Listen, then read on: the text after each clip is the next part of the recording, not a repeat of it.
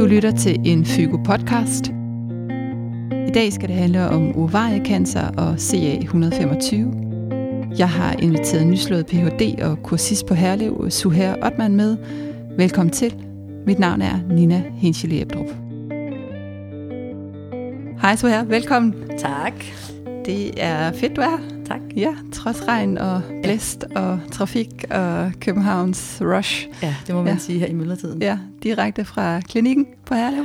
Ej, ikke i dag. I dag har jeg haft en fridag, men jeg har dog brugt min fridag på andre ting, end at holde fri, end at, end at holde fri, desværre. Ja, sådan Så- er det. Ja. Sådan er det jo.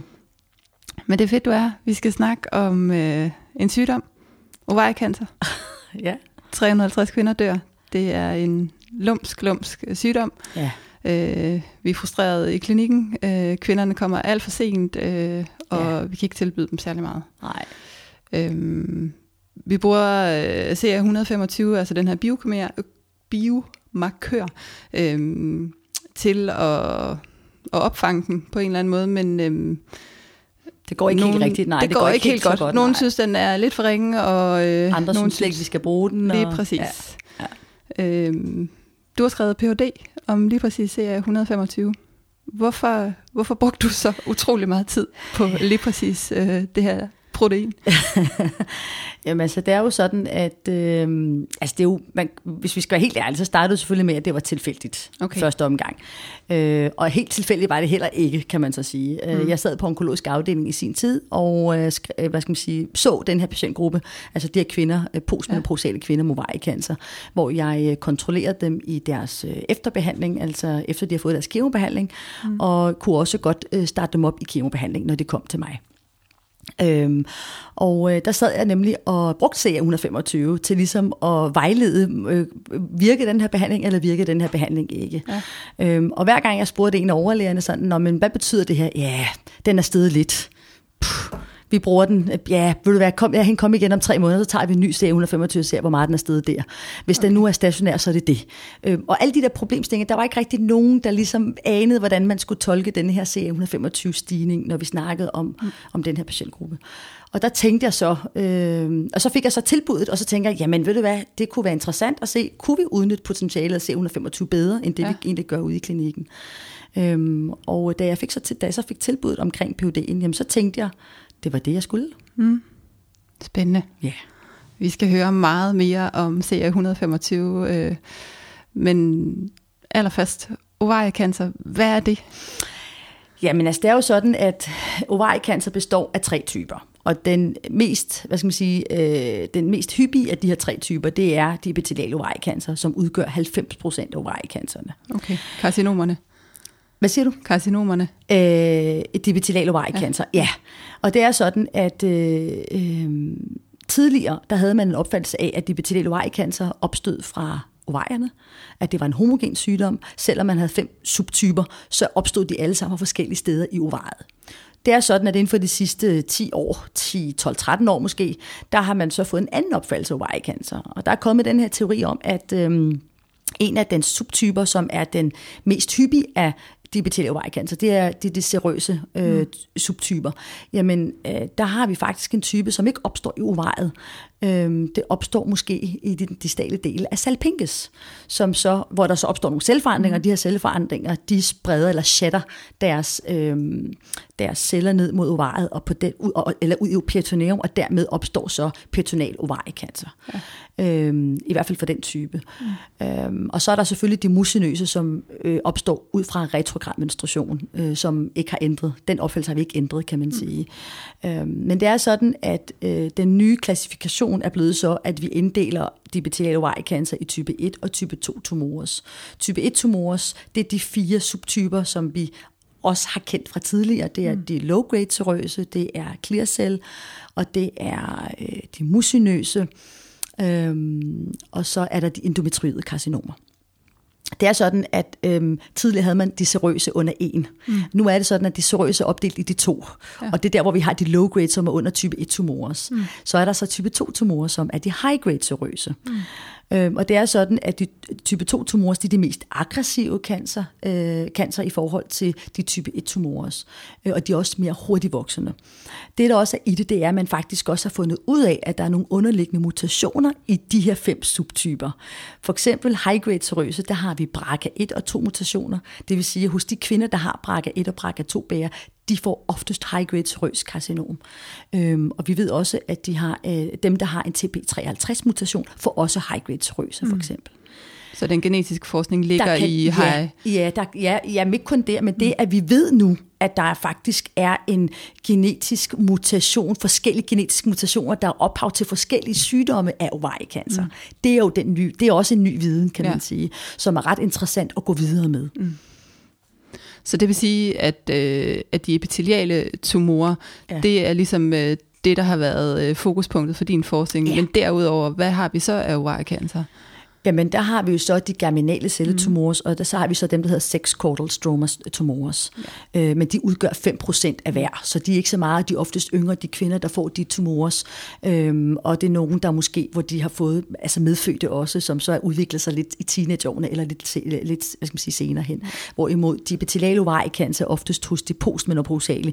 Vi ser dem også hos nogle af de præmenopausale, men det er oftest hos de postmenopausale, postmenopausale kvinder, mm. der får epitheliale ovariekancer. Altså medianalderen er omkring 60 år. Ja, det er unge, relativt unge kvinder. Ja. Øh, og, øh. ja.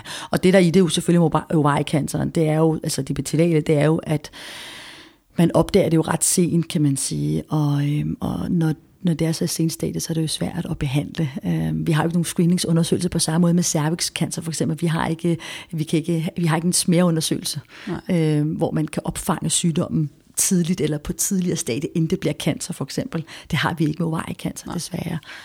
Øhm, men altså nu, på grund af den her nye viden, som vi har fået her for de sidste 10 år, så ved jeg, at der er, er rigtig meget forskning omkring det nu, øh, hvor man dykker ned i de forskellige genetiske mutationer, ser, er der nogle proteiner, der er specifikt for den her subtype?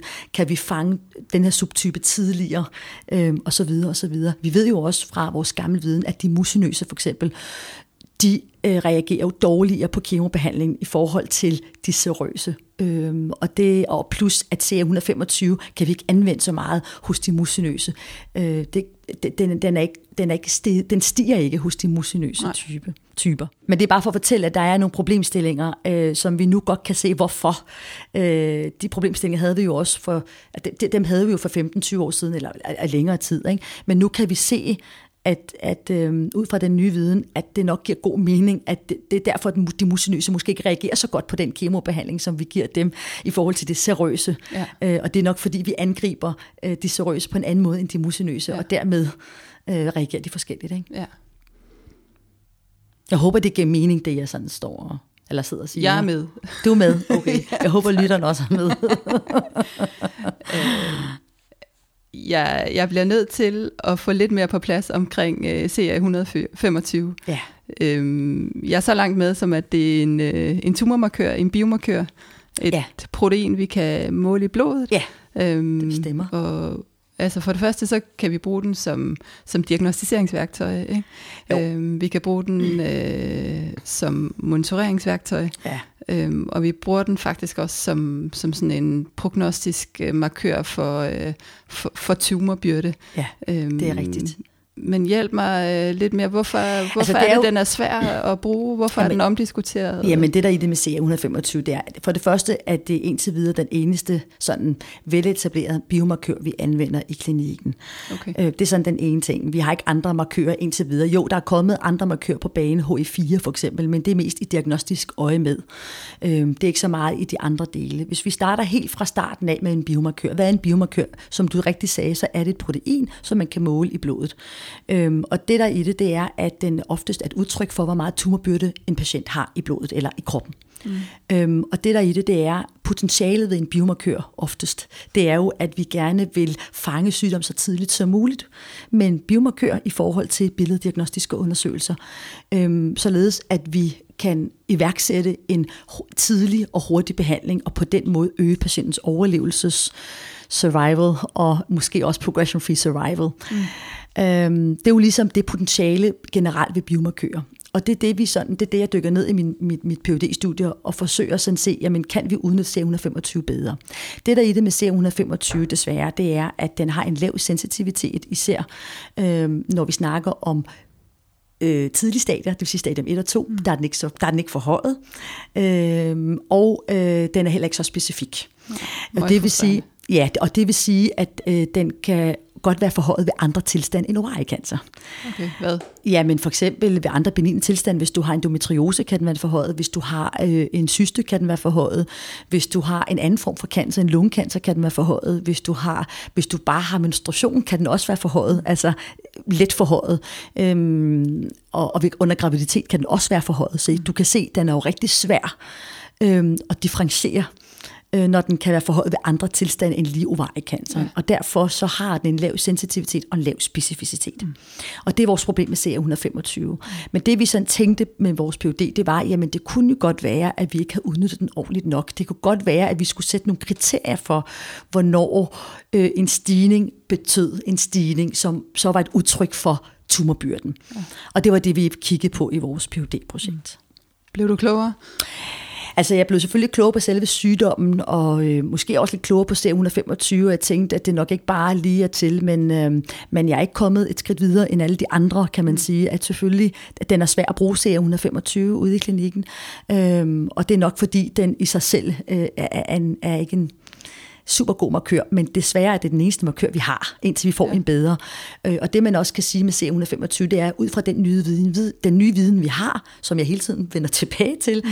det er, at øh, C125 er jo, det ved vi at den er jo øh, eleveret, eller den er højt, eller den stiger, når det er de serøse oftest, og den stiger ikke, når det er de musinøse. Mm. Øh, og der må man så sige, så må man jo finde nogle andre markører for musinøse, og det er derfor, at det så bliver en heterogen sygdom også. Vi kan ikke bruge CM125 til alle slags subtyper inden for epithelalovariekancer. Øhm, men det er den bedste markør indtil videre det er det, jeg finder frem til. Også i forhold til monitorering, fordi en del ja. af frustrationen har også været, at, øh, som du siger indledningsvis, det at sidde og monitorere sygdomsprogression ja. i et ambulatorie, og så kunne se en, en stigning, men reelt ikke øh, Tolke på den stigning. Vide, hvad, hvad, hvad, ja. hvad skal jeg sige til, til patienten? Ikke? Når jamen, den er stedet lidt, hvad betyder det? Betyder det, at det er sådan en efterreaktion fra din kemobehandling? Fordi vi ved for eksempel, at efter kemobehandlingen, så øh, kan øh, ovariekancercellerne, når de dør, de maligne celler, de kan faktisk godt øh, øh, frigive nogle, øh, noget CA125, og dermed give sådan en, en, en oppust, altså en stigning af CA125 kortvarig. Øh, hvad betyder lige det på det tidspunkt, når du kommer tre måneder efter din sidste kemobehandling? Øh, betyder det så, at at, øh, du, at det er den reaktion, vi snakker om, eller er det fordi, at den faktisk, at det er fordi, at det er et udtryk for, at du stadig har noget mm. cancer i kroppen, og er det meget cancer eller lidt cancer? Mm. Og det er sådan nogle ting, som jeg har siddet med ude i klinikken. Det, der skal siges med, med, med ovariekancer generelt, eller med en biomarkør, undskyld, det mm. er, at øh, vi har jo faktisk flere forskellige dele, vi kan anvende, eller vi, vi kan anvende en generelt en biomarkør. Og der snakker man screening, man snakker om øh, diagnostisering, og man snakker om prognostisk, og prædiktion snakker man faktisk også om, når man snakker om biomarkør, og snakker man om monitoreringsdelen. Og i mit phd projekt der snakker vi mest, eller der skrev jeg, eller brugte den biomarkør til monitorering, fordi der, hvor CA125 er mest brugt, kan man sige.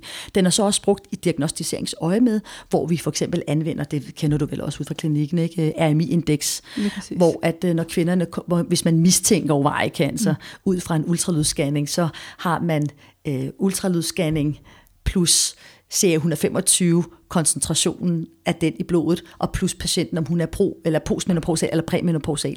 Og så har man de her tre, hvad skal man sige, værdier, som man så ganger, og så får man et indeks.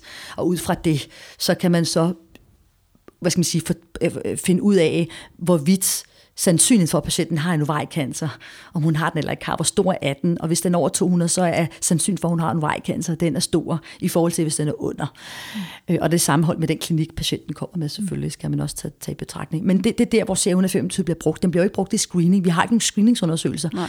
men vi har nogle øh, hvad skal man sige, studier, som har forsøgt at bruge CA125 i screening, øh, i, i, i sådan nogle screeningsmodaliteter, øh, ja. sammen med kombinationen med ultralyd. Øh, men der er ikke rigtigt... Øh, det har ikke rigtig vist noget, det har ikke rigtig givet noget. Øh, det er ikke sådan, at vi øger vores, øh, øh, hvad skal man sige, øh, det at vi finder patienterne. Øh, vi, vi, vi finder ikke flere patienter ud fra en bestemt screeningsmodalitet, hvor CA125 indgår mm. øh, i forhold til øh, almindelige tiltag. Så derfor kan vi ikke bruge CA125 screening Nej. aktuelt. Øhm. Så altså, hvis jeg skal, hvis jeg skal prøve at summere op, hvordan jeg, jeg har forstået det, så har du siddet øh, fire år senere og, øhm, og er blevet meget klogere på, hvad en biomarkør er, men er stadigvæk egentlig også med på den bane, der hedder det er trods alt, det kan godt være, den er ringe, men det er trods alt den, den bedste, vi har. Ja, der, du, indtil videre. Du står. Ja, ja. ja, og det man kan sige med, med min PUD, lige med min PUD, det er jo, at, at den måde, jeg har undersøgt sager 125 på, den, kan vi, den metode, jeg har brugt, den kan vi anvende, hvis det er, der opstår, hvis det er, vi finder en anden biomarkør, fordi den skal også igennem de samme evaluering, øh, evalueringer, og, og, og hvordan kan vi bruge den nye biomarkør ude i klinikken også. Ja, ja. Hvad hedder det? Kære lytter, jeg skal lige sige, at hvis, hvis I kan høre sådan lidt, lidt tramp og bump, så, øh, så er det altså fordi, vi sidder og optager i en, i en lejlighed øh, på Amager, og øh, overboen øh, er kommet hjem. Så, øh, så det er altså det. Øh, vi er her stadigvæk. Øh, øh, så her... Øh, vil du ikke lige give mig øh, et kort, øh, eller give os et rit over, øh, hvis du sådan skal se perspektiverne for, hvor, hvor forskningen går hen? Bare nævn sådan et, et lovende Jamen altså, jeg, jeg tror, at det, der er, er mest lovende, det er, at vi skal til at ændre opfattelse af, det skal vi alle sammen, øh, og ikke kun forskere, vi skal nok alle sammen ændre opfattelse af, at det nok er en heterogen sygdom, i stedet for at det er en homogen sygdom. At, at vi skal se på individet, altså på hvilken type mutation patienten har, og hvilke øh, muligheder vi har for lige den bestemt type mutation, patienten har. Så jeg tror, at det er den vej, perspektivet går, og det er også det, jeg beskriver blandt andet i mit phd projekt ikke? at det, det bliver nok mere og mere individualiseret, som det hedder. Jeg ved ikke, om jeg har udtalt det rigtigt. Individualiseret behandling. Det er perfekt.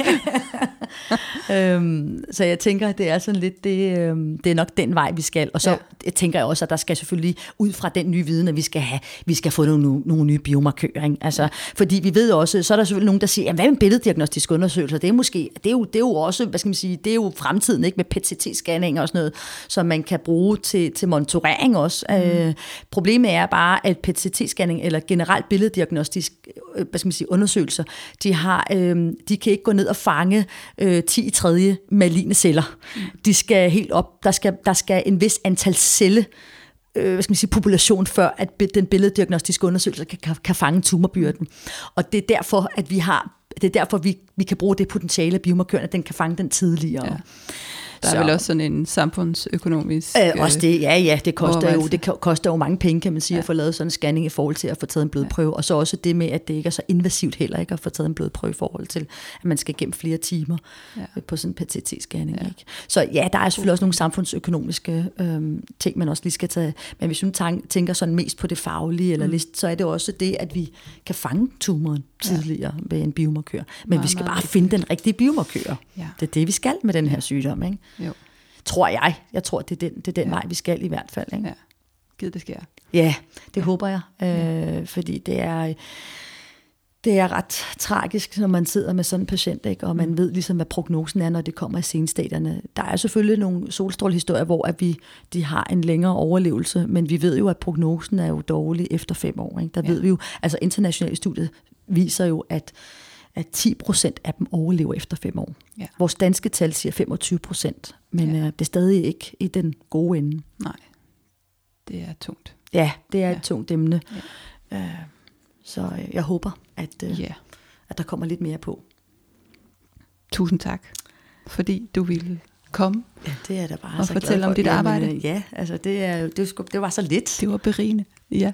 Øhm, og komplekst. ja, det må man sige. Øh, ja, og øh, jeg tror alle sammen, vi har brug for at dykke ned i, øh, i mere omkring det her, øh, som ikke lige har siddet og skrevet en PhD, som du har. Ja. Det? Jeg synes, at øh, Dansk Gynækologisk øh, Cancergruppe øh, har rigtig øh, gode guidelines ja, til det må man at, sige, at blive klogere. Det har de, ja. Øhm, så det ja. kan jeg opfordre til at, ja. at kigge forbi øh, hos dem, og så tænker jeg også, om det er okay at kontakte dig ja, og få din Ph.D., hvis Jamen, der er nogen, det, der gerne vil... Det er det da vil læse lidt nærmere, eller øh, se i referencerne og blive klogere. Ja. Øhm, Så øh, Ja, for jeg har en del referencer, må man sige. ja, Så ja, det, det er de velkommen til. ja, tusind tak. Det var så lidt. Ja. Kom godt tilbage i trafikken, og regnen og rusken. Ja. Nu håber jeg ikke, der er så meget trafik nu her, når jeg nu er på vej hjem her, efter at folk er hjemme og spiser aftensmad. Ja, Ja, tak. det var så lidt. Du har lyttet til en Fygo podcast. Vi kommer med flere udgivelser, så hold endelig øje med hjemmesiden fygo.dk og Facebook-gruppen Yngre Gynekologer og Obstetrikere. Tak fordi du lyttede med.